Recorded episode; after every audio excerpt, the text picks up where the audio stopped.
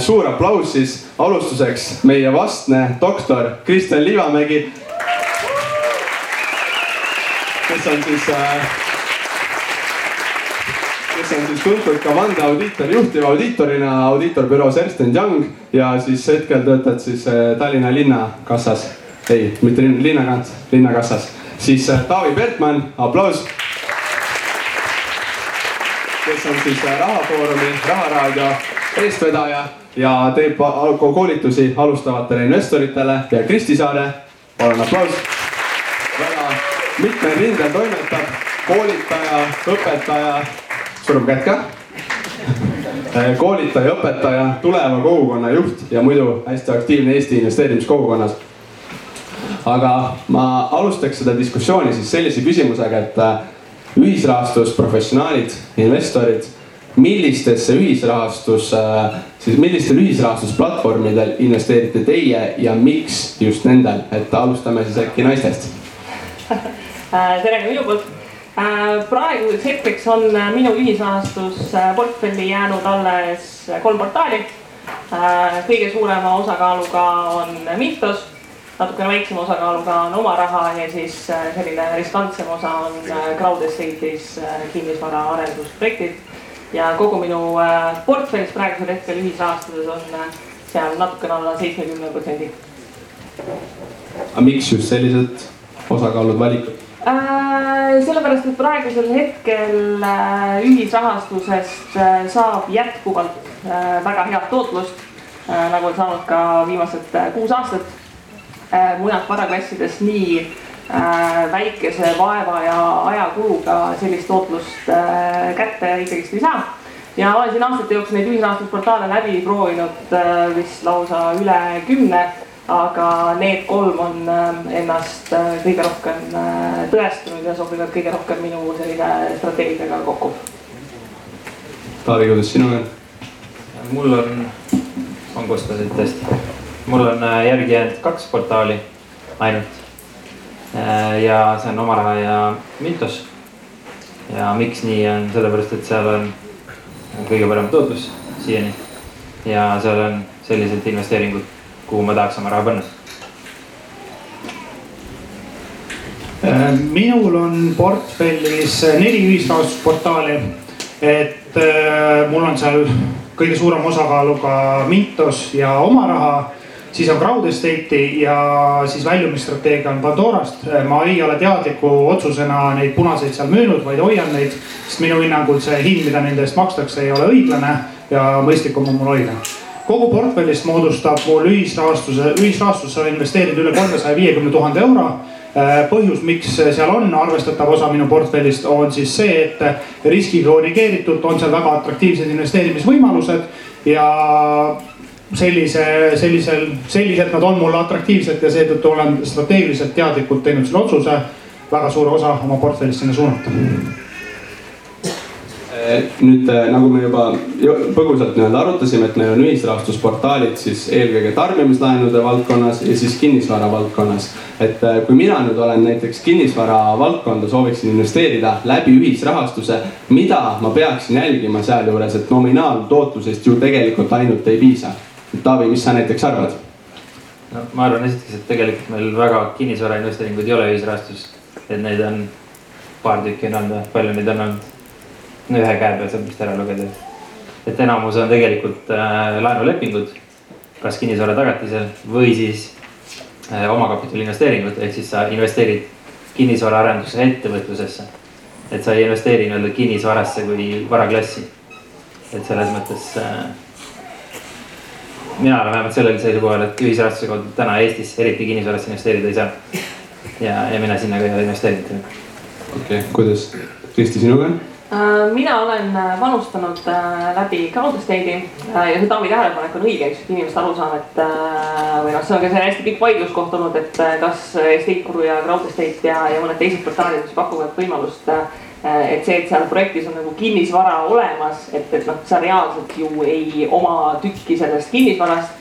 Äh, et ta on vormistatud äh, laenule läbi eraldi loodud SPV.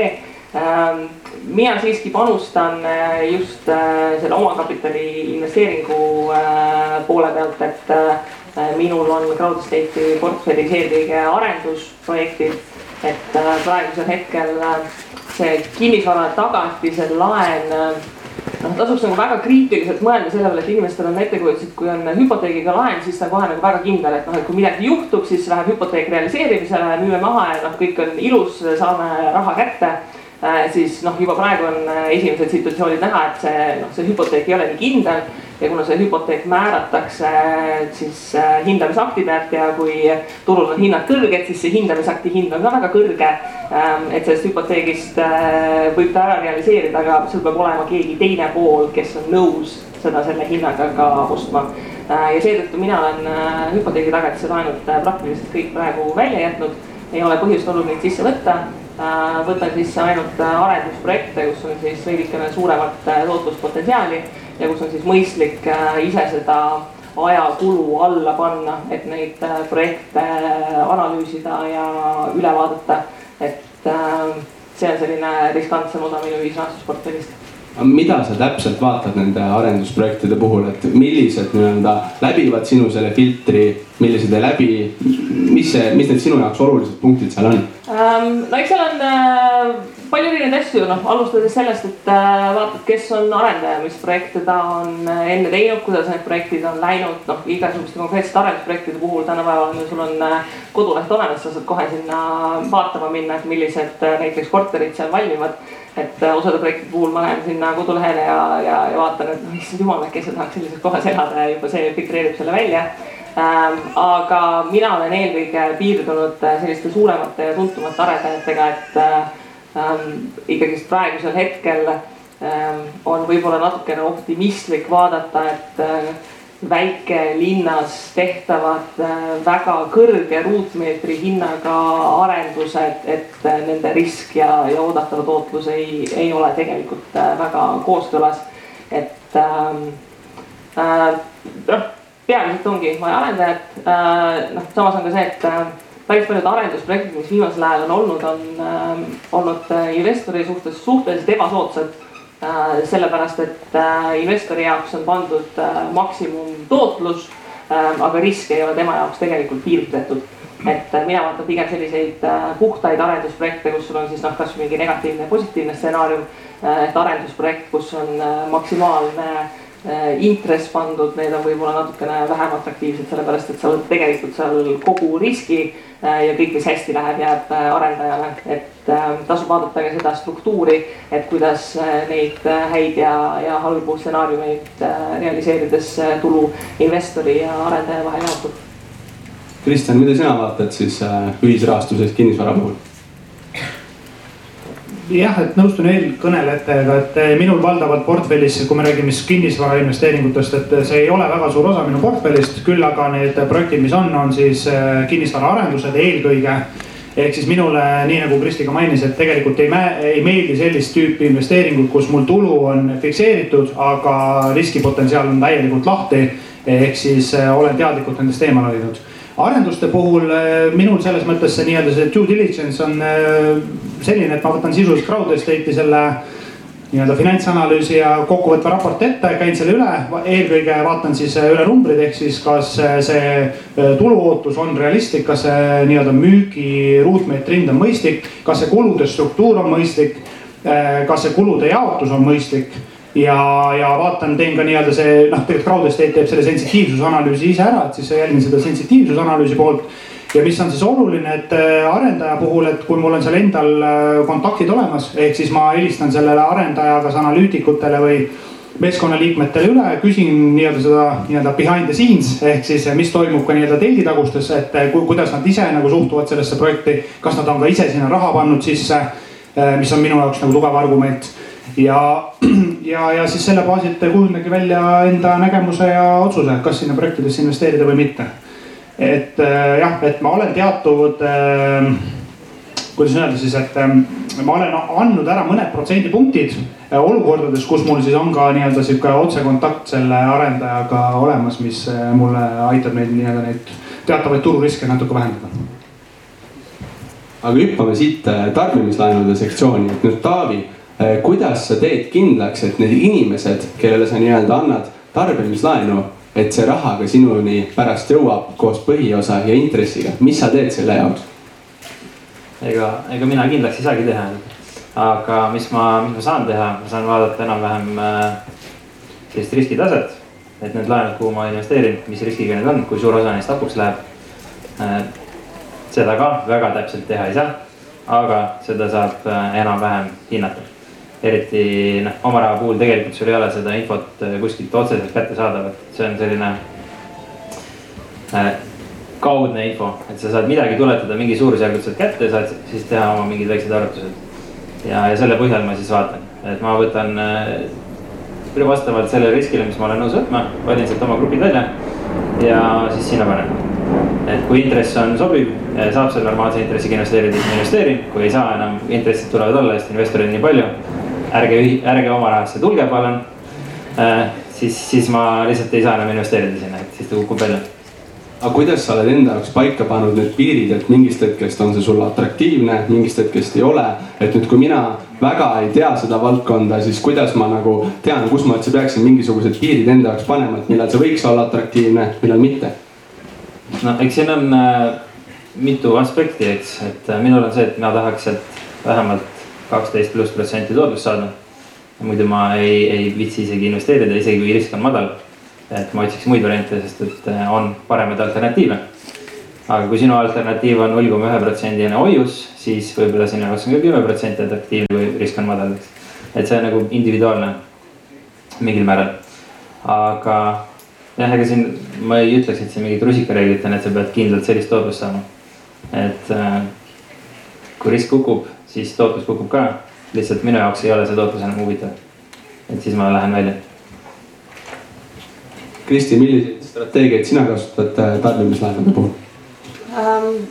tarbimislaenude puhul on tegelikult äh, viimasel ajal olnud äh, see oluline strateegia osa, et ei tasu ühtegi äh, portaali ära armuda et äh, olen teinud, et investorid paigutavad kuskile portaali raha ja siis nagu seal on nagu raha ja noh, siis ma siis nagu keerutan või noh, ma olen sinna kogu aeg raha pannud, et äh, eriti tarbimislaenude puhul sa pead olema valmis mõnes portaalis täiesti välja tulema selleks, et sa saaksid raha suunata äh, kuskile mujale. et noh, näiteks seesama põhjus, et äh, äh, miks mina Pandorast tulin nagu täiesti välja, sellepärast noh, kõik see admin ja halduskulu äh, ei olnud seda väärt, miks ma olen tulnud Hiinast välja, sellepärast et see risk ei olnud seda enam mõistlik ja, ja selle tarbimislaenude puhul äh, noh, nagu Taavi ütles, et tegelikult sa seda infot ju ei saa, et seda iga laenuvõtjat analüüsida, et äh, sina tegelikult pead analüüsima seda laenupakkujat, Mintluse mõttes seda originatorit või siis näiteks oma raha puhul oma raha ise.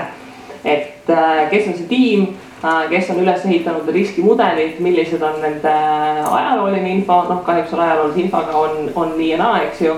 aga samas sul on näiteks kasvõi Eesti puhul võimalik kätte saada Eesti Panga kodulehelt ajalooline tarbimislaenude info, kust äh, sa näed seda, et kui on see kõige äh, sügavam must kriisiauk, et kui palju neid laene on, mis on siis viivises ja, ja kui palju neist pankrotistub. et selle põhjal sa saad selliseid kõige mustemaid negatiivseid stsenaariumeid läbi arvutada ja praegu me oleme ikkagi sellises punktis, äh, kus tasub selle peale mõelda, et kui nüüd majandus ära kukub, et, et mis siis juhtub äh, selle tarbimislaenude portfelliga. et äh, selge on see, et tarbimislaenud on üks esimestest asjadest, millega inimesed hätta jäävad. oma kodulaenu maksavad nad üldiselt nii palju kui vähegi võimalik. Ähm, aga kõrge intressiga tarbimislaenud on need, kus hakkab tulema probleem ja eks seal tuleb vaadata ka seda, et äh, noh, näiteks Vintose puhul on äh, äh, lisaks laenupakkujale on sul olemas ka teatud geograafiline risk, et riikide valik, kuhu raha laenata, on siiski suhteliselt suur. ja tasub võib-olla, noh, mina olen otsustanud pigem eelistada riike, mis on geograafiliselt lähedal lihtsalt sellepärast, et nende kohta on äh, lihtsam erinevat äh, infot äh, selle kohta, kuidas riigi majandusel läheb, kuidas laenuturg töötab, kõige kohta saada.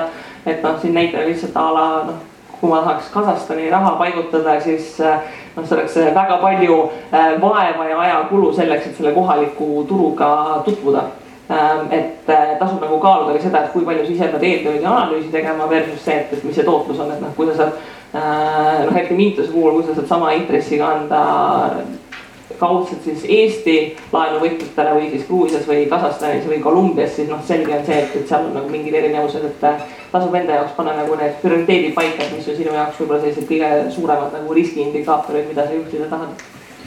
Kristjan, kuidas sina leiad need head nõelad heinakuhjast ülesse? Üldjuhul kasutan matemaatikat, statistikat ja, ja selle baasilt siis leian, et et kuidas siis see käib, et noh, ma ütlengi, et, et tarbimislaenude puhul siis peamised riskid on siis vastaspoole krediidirisk ehk siis tõenäosus, et ta või risk, et ta ei maksa oma kokku lepitud äh, laenukohustust ette nähtud tingimustel tagasi. Äh, lisaks, kui me räägime ühisrahastust, siis on portaali operatsioonirisk ehk tegevusrisk. Neid riske äh, on veel muid, valuutariske ja nii edasi et eh, mina teadlikult olen siis eh, sisuliselt teinud Exceli, kus siis on mul tulu, siis on kõik riskid numbriliselt mõõdetavad ja siis ma saan riski korrigeeritud tootluse ja selle baasil hindangi, millised strateegiad on kõige atraktiivsemad. et see ei jääks lihtsalt sihukeseks sõnakõlbuks, siis eh, näitan lihtsalt, kuidas noh, näiteks kuidas nüüd oma raha puhul teen.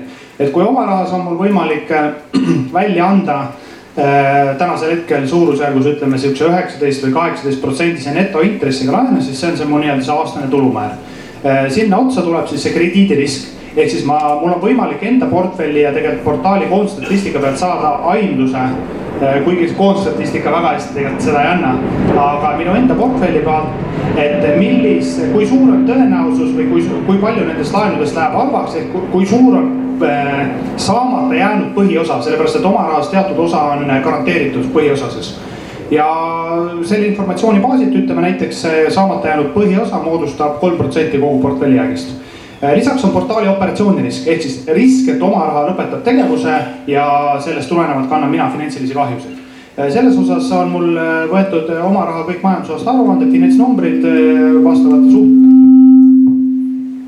vastavate suhtarvude alusel neid analüüsin. see äkki kostab minu mikrisse? aa ah,, okei okay., räägin tasasemalt äkki. jah, ja vastavate suhtarvude alusel neid siis analüüsin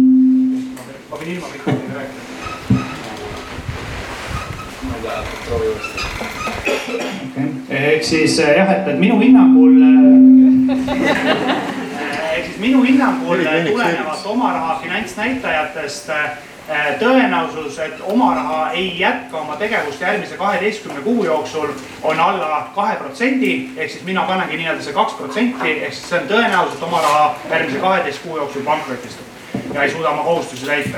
Valuutariski ma seal ei võta ja muud riskid ei ole nii-öelda olulised seal, ehk siis ongi siis üheksateist miinus see kolm protsenti, mis on see saamata jäänud põhiosa, miinus kaks, kaks pool protsenti, mis on siis oma raha portaali operatsioonirisk, annab mulle siis riskiga korrigeeritud tootlusnumbri seda saan ma nüüd võrrelda näiteks siis Mintosega. Mintoses äh, intressid on madalamad, aga näiteks noh, üks strateegia, mida ma seal olen kasutanud, on Mogo tagatud laenud Äh, need on täielikult tagatud, ehk siis ma vastaspoole krediidiriski konverteerin selle laenu väljaandja riskiks, ehk siis minu jaoks on oluline analüüsida, kas Mogo suudab oma tegevust jätkata, kui suur on tõenäosus, et Mogo läheb pankrotti äh, mingi teatava ajaperioodi jooksul.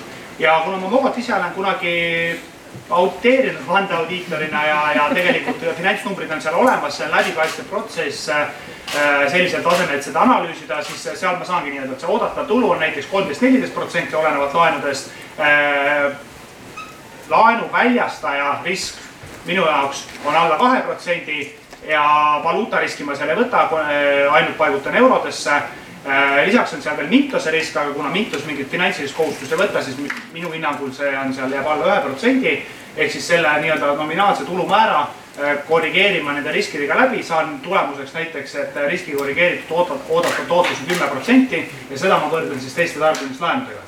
ja, ja selliselt ma siis kujundangi neid erinevaid strateegiaid ja, ja valingi siis äh, enda portfelli laene et muidugi tasub ära mainida, et äh, nii-öelda, et see statistika ja mudel hakkaks toimima, sul on vaja ikkagi Äh, mitmeid sadu, kui mitte tuhandeid erinevaid laenutükke. et see ei ole nüüd niimoodi, et sa võtad kümme laenu ja avastad, et ohoh, et kolm nendest ei maksnud tagasi ja tegelikult see number ei toimigi, mis siin äh, Kristjan rääkis, et.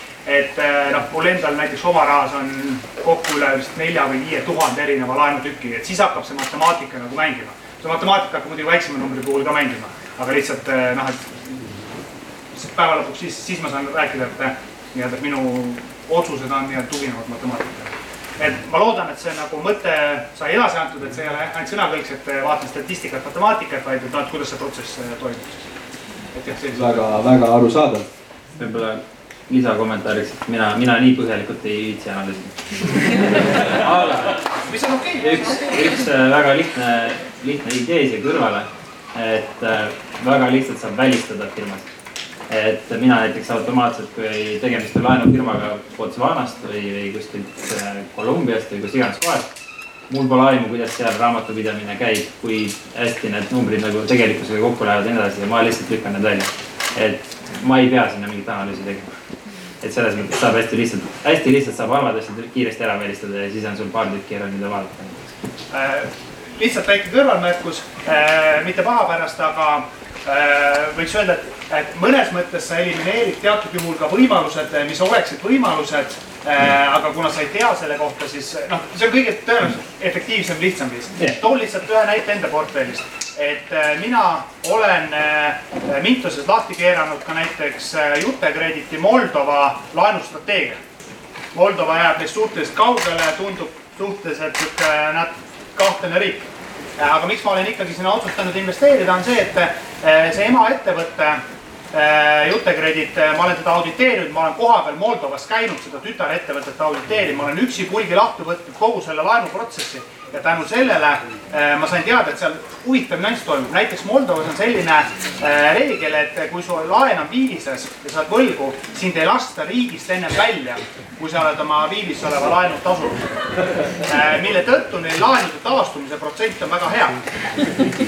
kui sa lähed nii-öelda kirvemeetodiga peale, Moldova pommiauk Äh, las ta jääda. aga kui sa nii-öelda seda informatsiooni omad, siis tegelikult see võib pakkuda huvitavaid võimalusi, mida teised investorid juba eos välistavad. mis omakorda tänu informatsiooni asümmeetriale loob sulle täiendavaid äh, teenimise võimalusi enam pole asümmeetrias. nüüd õhtul on kõik Moldova laenud läinud äh,. aga lihtsalt teise näitena, et noh, riikide koha pealt kasvõi see, et noh, näiteks Gruusia puhul, et äh, kuna neid Gruusia laenukontoreid on üha rohkem, et sealt hakkab ka infot tulema, et noh, näiteks Gruusia puhul on see, et seal on väga selline kultuuriline eripära, et äh, võlgu olemine lihtsalt nagu kultuuriliselt on suur patt ja see tähendab, et inimestel on väga hea maksedistsipliin. et mis sest, et sa vaatad, et seal on need Gruusia mingid kiirlaenukontorid, kes mitte absurdsete intressidega välja annavad, aga inimesed maksavad sellepärast, et sellise kultuuri sees nagu laenud makstakse ära. ja noh, need on vaata sellised asjad ähm, äh, mille puhul noh, ühelt poolt nagu ei tasu nüüd kohe vaata kõik Moldovasse nagu raha panema hakata, sellepärast et noh, see on nagu ainult üks tükk sellest puslest, et on ka nagu teisi asju, mis mõjutab ähm,. aga kui portfell hakkab kasvama siis äh, just sellised nagu väikesed infokillud on need, mis, mis hakkavad aitama nagu suunata võib-olla natukene selliseid teistsuguseid otsuseid tegema, kui lihtsalt, et nagu äh, kannan raha peale ja hajutan võrdselt äh, igale poole ja mingid asjad tähistan. Click and grow või mis see Pandora pakkus on? see oli, keegi nimetas ümber kick and cry, et ja see on asi minu hinnangul päris ohtlik. et, äh, et noh, selles mõttes, et äh, osad portaalid lihtsalt on ise mustad kastid, noh isegi kui sa tahad, sa ei saa sealt nagu mingit infot kätte. aga, aga ka ise need, mis vahest tunduvad mustad kastid, äh, natukene annab sisse vaadata, et, et mis seal toimub, et milline on see laenupakkuja, milline on see turg ja mis seal tegelikult toimub. aga, töötab jah aga nii-öelda, kui vaadata nüüd natukene nende automaatpakkujate poole, siis eh, kuidas te enda nagu portfellides või portaalides neid kasutate, et tegelikult nagu automaatpakkujat seadistades või valides sul ju ei ole nagu otseselt, ta lihtsalt nagu sisuliselt külvab eh, raha laiali, onju, et, et sul otseselt ei ole nagu seda konkreetset ülevaadet, kellele, kuidas, kus see raha ju läheb. et kuidas te nii-öelda enda automaatpakkujaid seadistate või kuidas te haldate seda, et eh, Kristjan, kuidas sa seda teed? Ma ütleks, et äh, sa ikkagi saad selgelt suunata, et kui me võtame Mintuses automaatpakkuja, see, et ma seadistan, et noh, näiteks, et ma suunan oma raha ainult Mogo täielikult tagatud Eesti laenudesse intressiga alates kolmteist protsenti tähtajaga näiteks kuni kaks aastat, siis äh, ma ütleks, et mul ikkagi on selles mõttes äh, arvestatav kontroll selle üle, kuhu see raha läheb, et ta päris nagu ikkagi pimedalt igale poole seda ei loobita. et Äh, kui sa küsid seda, et kas nagu käsitsi esmaselt turult ma laenu noppida versus see, et automaatpakkuja seadistada, siis siinkohal ma olen äh, jah nõus, et see aja, ajakulu äh, suhe versus sellesse panusesse on ebamõistlikult kõrge, seega igal juhul minu hinnangul tasub seda automaatpakkujat seadistada. ehk siis äh, see on täiesti okei okay strateegia, sest see ongi automaati-, automatiseeritud strateegia ja teatud juhtudel sa pääsed nendele laenudele isegi esmajärjekorras ligi et noh, kui me siin juttu räägime, siis äh, vaevalt, võib-olla mõned istuvad seal Mintuse äh, esmasel või järelturul, aga vaevalt siin keegi nagu neid välja filtreerib. samal ajal automaatpakkuja meil tegelikult neid samu laene sealt võtab juba et tundub minu jaoks täiesti okei okay. ja oma rahas võib öelda lausa niimoodi, et kui sa seda automaatpakkujat ei kasuta, siis sul, sul on eelise puudumine lausa äh, sind karistatakse ära, sest esmasel turul tegelikult ei ole piisavalt laene, mis on atraktiivse riskitulu suhtega. Ehk siis see laenu, automatiseeritud laenu pakkumise äh, metoodika või strateegia on siinkohal õigustatud.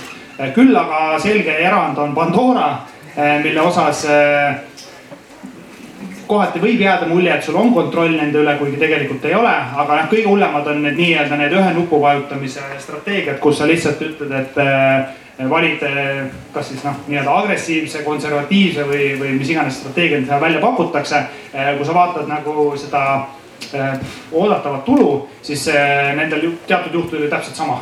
aga, aga seal toimubki siis nii-öelda see juhuslikus alusel põhimõtteliselt Pandora külvab seda raha sinna, kuhu neil on vaja mitte kuhu sina sooviksid panna tegelikult, kui sa analüüsi oleksid teinud. et selles osas mina oleks nagu ettevaatlik ja, ja seda ma ei, ei kasuta. Ehk siis me jõuame nii-öelda selle järelduseni, et neid by default paika pandud strateegiaid automaatpakkujatel ei ole mõtet kasutada, aga kui sa ise teed mingisuguse custom süsteemi, siis see nagu on mõeldav jah, tegelikult Mihklas on kusjuures ka ju need ettevalmistatud mingid strateegiad, mis on sama tegelikult, sa lähed ja seal on mingid suvalised laenud sees ja nii edasi, seda ei ole mõtet kasutada. et pigem tasub natukene kasvõi pisikene eeldada teha, kasvõi leia see üks, mis iganes sulle meeldib. kui sa nüüd jooksed Moldovasse, siis võta Moldova, võib-olla Mogo, mis siin kõik räägivad ja nii edasi. analüüsi see üks variant läbi äh, piisavalt tasemel ja seadista sinna, eks. et portfellihaldurite puhul on oluline just see, et sa saaksid investeerida sinna, kuhu sa tahad nende kriteeriumitega. et iseenesest portfellihaldur ei ole hea, kui ta on selline, et sa ei saa mitte midagi seadistada. portfellihaldur ei ole paha, kui sa saad kõik ära seadistada. et seal Mintos omas on nii palju valikuid, et äh, sa võid segaseks minna.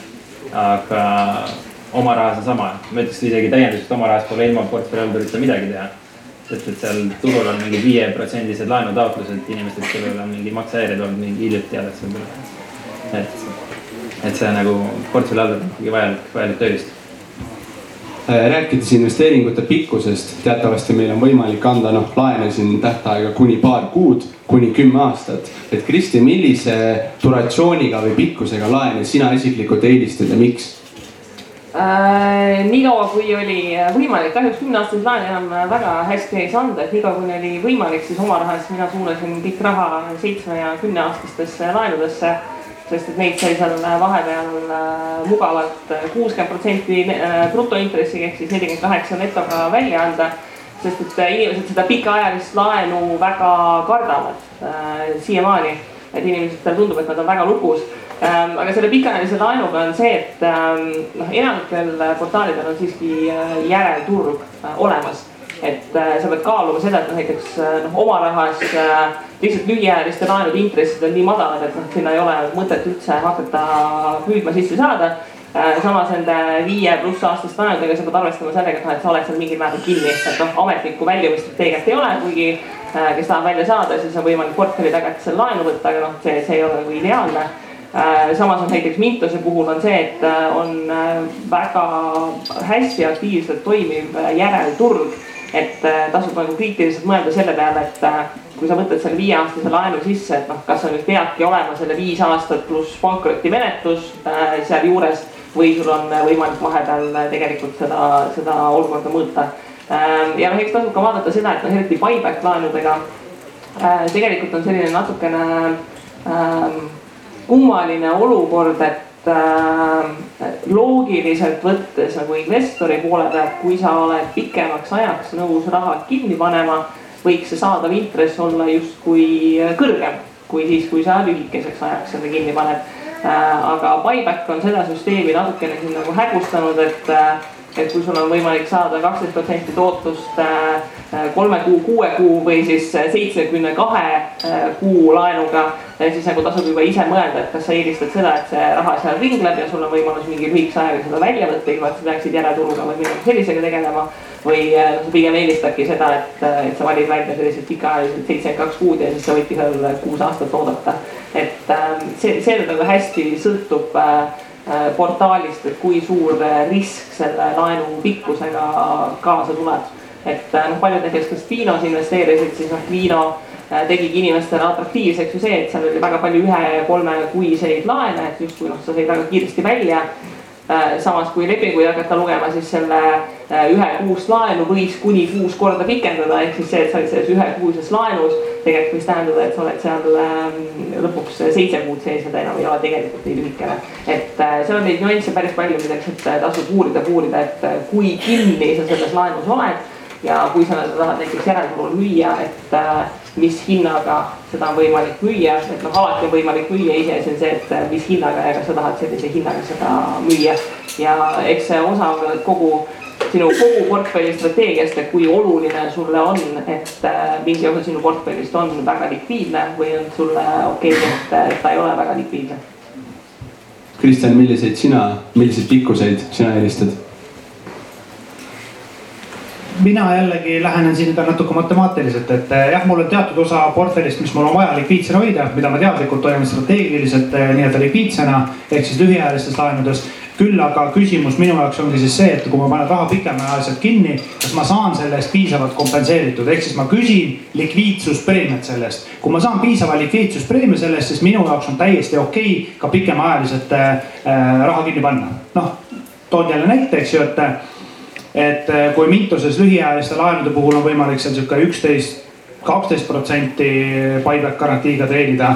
Äh, ütleme riskiga korrigeeritud seal natukene alla, alla kümne protsendi, siis oma rahas veel mõned, ütleme kasvõi aasta või poolteist tagasi oli võimalik äh, näiteks raha kolmeks, neljaks, viieks aastaks kinni panna krediidiriskiga korrigeeritud sealt suurusjärgus kolmekümne protsendise nii-öelda tootlusega. ehk siis minu jaoks see äh, tootlus riski korrigeeritult oli atraktiivne, et see kapital pikemaajaliselt kinni panna versus see, et seda lühiajaliselt keerutada oluliselt äh, madalama oodatava tootlusega. ehk siis äh, turg alati muutub, turul võimalused alati muutuvad, ma neid nii-öelda siis dünaamiliselt analüüsin ja, ja kui mulle, kui ma saan piisavalt kompenseeritud selle eest, siis minu jaoks on täiesti okei okay rahaga pikemaajaliselt kinni hoida.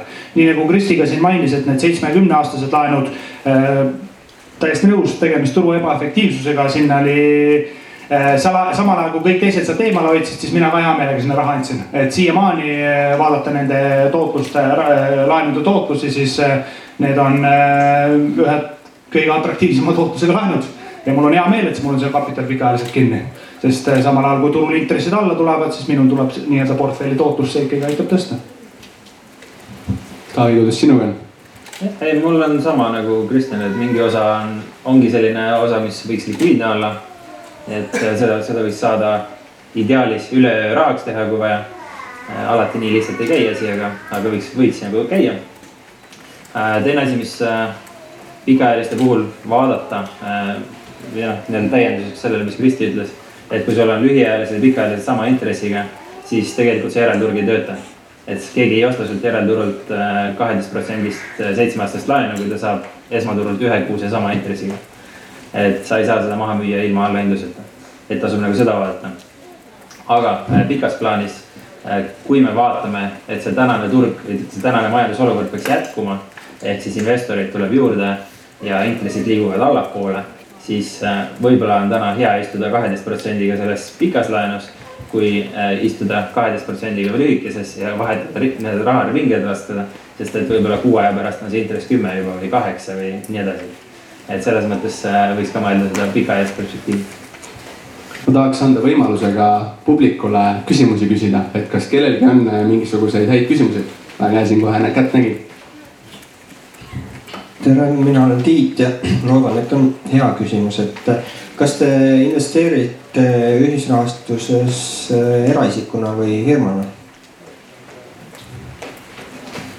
firmana mina teen mõlemat. mina firmana, et ei näe põhjust, miks peaksin eraisikuna investeerima seal.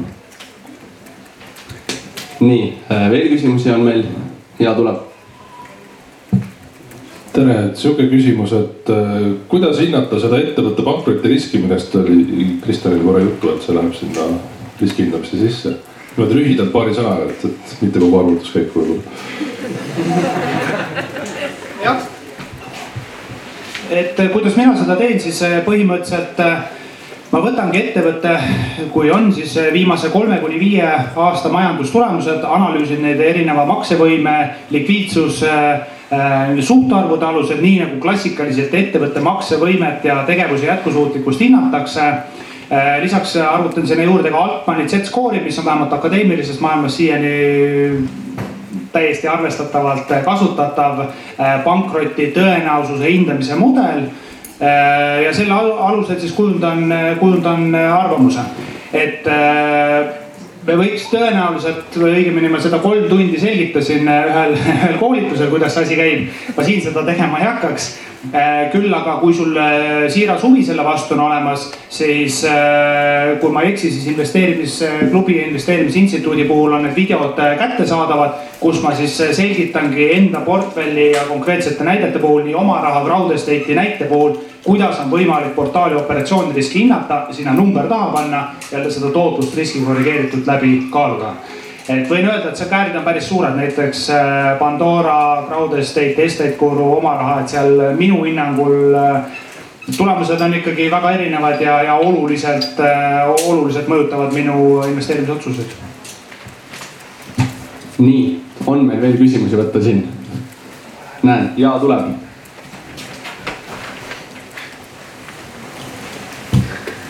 selline huvitav küsimus või pigem eh, sooviks nagu no, nii-öelda arvamust küsida, et, et siin eh, jah, Pandora tegi selle go and grow ehk mine ja arene toote, et, et eh, ilmselt sa ei peaks siis investeerima onju et äh, aga, aga sellega ko koos äh, juhtus selline põnev asi ka, et üks teisele Eestile kodus istuv blogiv emme hakkas ka seda reklaamima, et. et nemad seal nüüd siis pambivad ja teiselt poolt on ju, kes oskab seda kasutada ja läinud sobivad, on nemad suudavad tampida sellesama tootega aga et, et mis arvamusi ja mõtteid see teis nagu tekitanud on, kui te ise ühisrahastuses ka tegijad olete, et. et, et sellist asja üldse tehakse, et mis, et, et Pandora teeb sellist asja, et sellised asjad toimuvad ja nii edasi, et. mis põnevaid mõtteid nagu tekkinud sellest on?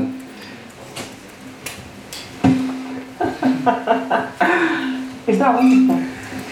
Taavi kirjutas blogipostituse sellest, kuidas Malkas investeerib Äh, ütleme äh, pikas plaanis on sellised asjad tegelikult väga kahjulikud. Ähm, lihtsalt ähm, investeerimiskogukonna arengu äh, mõttes ähm, on väga halb, kui inimesed, kes ei saa asjast aru, räägivad inimestele, kes ei saa asjast aru ja siis nad saavad need esimesed vitsad väga valusalt kätte. ja ma loodan, et mõned nendest inimestest õpivad sellest Äh, ja võib-olla siis tulevad tagasi ja teinekord teevad targemini, aga, aga mingi hulk on neid inimesi, kellega mina puutun kokku, kes on korra vastu näppe saanud ja siis mitte kunagi enam tagasi ei tule, et ähm, see on suhteliselt kahju. Äh, aga vaadates praegu, kuidas äh, seal Go and Grow'sse, kas äkki mingi kaks miljonit kuus vist läheb sisse, siis ähm, noh, ütleme kes on selle kuue koma seitsmekümne viiega rahul, siis äh, võib mulle laenu anda kuue koma seitsmekümne viiega, et ma luban, et ma olen äh, usaldusväärsem, et ähm,. ma võin seitse protsenti isegi ähm,. et äh, noh, et palun, kui näete, selles suhtes nagu mul on päris huvitav, kuna ma näitan maksan aeg-ajalt Youtube'is mingeid lauluvideosid, siis ma olen Pandora lehel käinud ja siis ma näen umbes mingi seitsesada korda päevas Pandora reklaame siis kui te ise näete, et sõpradel ka tundub väga hea idee, siis äh, olge head sõbrad ja, ja rääkige neile, et äh, tegelikult on natukene paremaid ja mõistlikumaid äh, asju, kuhu raha paigutada, et see on iseenesest hea, et teil on mingi huvi olemas. aga noh, siis ongi näha praegusel hetkel see Eestis olev lünk, et sul ei ole kuskile minna, kus saada usaldusväärset infot et teistel inimestel ei ole seda võimalust, et nad tulevad sulle investeerimisfestivalile ja, ja kõik inimesed nagu teavad, mis toimub, et äh, siin tuleb selline ühiskondlik äh, pingutus teha, et need inimesed enda heade kavatsuste eest päästa jah, et sa selles mõttes, kes tahab natuke lugeda, siis ma üritasin seda seletada lahti natuke. tegelikult on ta veel keerulisem, sest selle kohta infot eriti ei ole, aga äh, turundusliku seisukohalt on see väga hea deal neil. et äh, seal blogis äh, tulemused on positiivsed, sest kuue kuu jooksul ei jõua see õigete numbriteni. Ja see on selline äge toode, kust on võimalik väljuda, isegi kui see portfell on väga halb esialgu ja kui ma õigesti aru sain, siis viimane lihtsalt kustutab tuled ja mõtleb, kuhu raha kadus.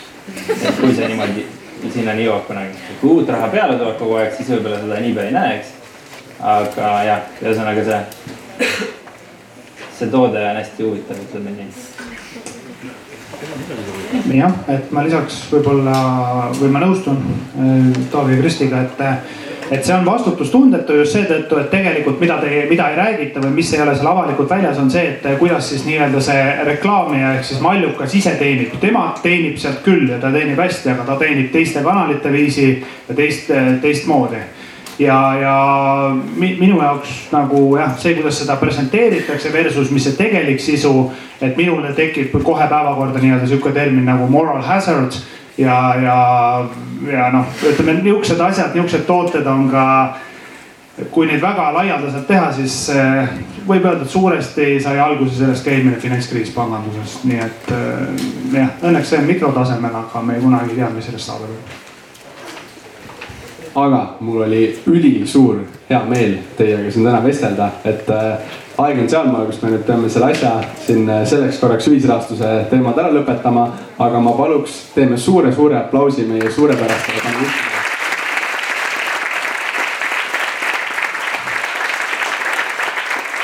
Kristi ja Kristjan, teie saite oma meenuta eelmisel laval, siis Taavi, sulle ma soe käepigistus ja Meene ja Kristjanile lihtsalt soe käepigistus ja aitäh ja Kristile soe käepigistus ja aitäh.